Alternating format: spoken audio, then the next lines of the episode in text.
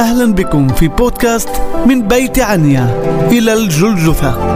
تأملات في الفصح للكاتبة منال جبران حداد بالتعاون مع دار الكتاب المقدس في الناصرة وإذاعة صوت الأمل للشرق الأوسط. نتمنى لكم فصحا مجيدا.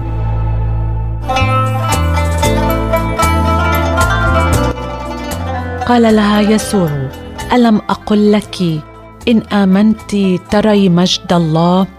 ولما قال هذا صرخ بصوت عظيم لعازر هلم خارجا. فخرج الميت ويداه ورجلاه مربوطات بأقمطة ووجهه ملفوف بمنديل. فقال لهم يسوع حلوة ودعوه يذهب. إنجيل يوحنا إصحاح الحادي عشر والآية الأربعين والثالثة والأربعين والرابعة والأربعين. كم من عظائم وعجائب تفوتنا رؤيتها ومعرفتها لأننا نفتقد أهم عنصر فيها الإيمان. نحن بطبيعتنا البشرية نريد أن نرى لكي نصدق فنؤمن لكن الله لا يسير بحسب منطقنا البشري لأن له ترتيبا آخر. كلمات الرب يسوع لمرثا كانت واضحة إن آمنت تري لم تفهم مرثا تماما ما كلمها به يسوع خلال كل المحادثة بينهما. فلم يخطر ببالها أن أخاها ممكن أن يقوم بعد موت. المعجزة كانت بحجم فوق استيعاب العقل البشري والمنطق العقلي.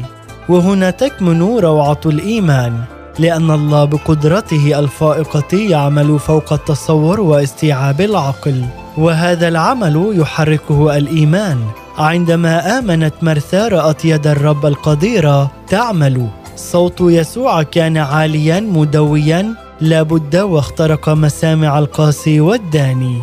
صوت عظيم يحمل قوة الحياة وينادي على جثة من عمق الموت لتدب فيها الحياة فتخرج جسما حيا نابضا أمام كل العيون الناظرة.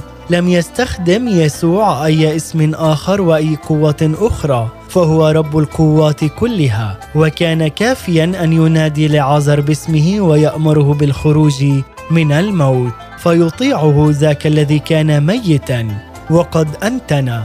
مرثا ومريم عاينتا مع كل الحشود حولهما مشهدا لم يكن ليستوعب بالعقل البشري. الميت يخرج من قبره ولا يزال مكفنا ملفوفا بالأقمشة فيا لرهبة المشهد. الإيمان هو الذي يسبق العيان فقلب الله يطلب أن نؤمن به ونصدق قدرته وعمله لكي نكون قادرين على رؤية مجده ومعاينة عظمة صنيعه. بالإيمان أنا أقول له يا رب حتى لو كان الأمر بعيدا عن فهمي وإدراكي أؤمن أنك أنت قادر وبحسب قدرتك الفائقة تعمل. الأمر لا يتعلق بقدرتي على الاستيعاب إنما بقدرتي على الإيمان بك لأن القدرة والقوة لك. أنا أؤمن وأصدق وأثق وأنت تعمل وتجري. نهاركم مبارك. نتمنى لكم فصحا مجيدا. نشكركم على حسن المتابعة لبودكاست من بيت عنيا إلى الجلجثة.